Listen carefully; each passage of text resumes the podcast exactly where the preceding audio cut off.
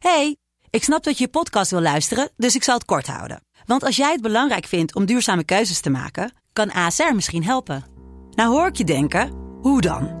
Nou, bijvoorbeeld bij het duurzaam herstellen van schade. Of de premies die we beleggen volgens ons duurzaam beleggingsbeleid. Dat bepaalt waar we wel en juist niet in investeren.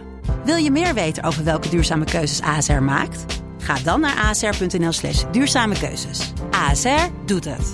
Zo, dan kan je nu lekker naar je podcast luisteren.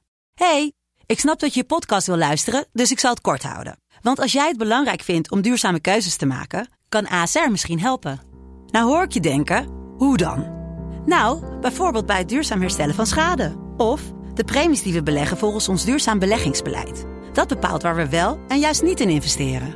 Wil je meer weten over welke duurzame keuzes ASR maakt? Ga dan naar asr.nl slash duurzame keuzes. ASR doet het. Zo, dan kan je nu lekker naar je podcast luisteren. Ooh. Dit is Mand, kortste podcast van Nederland. Vandaag wil ik het gaan hebben over eh, knippen, kapper, eh, haar en hahaha, wat leuk. Ik ben kaal, maar toch wil ik het erover hebben.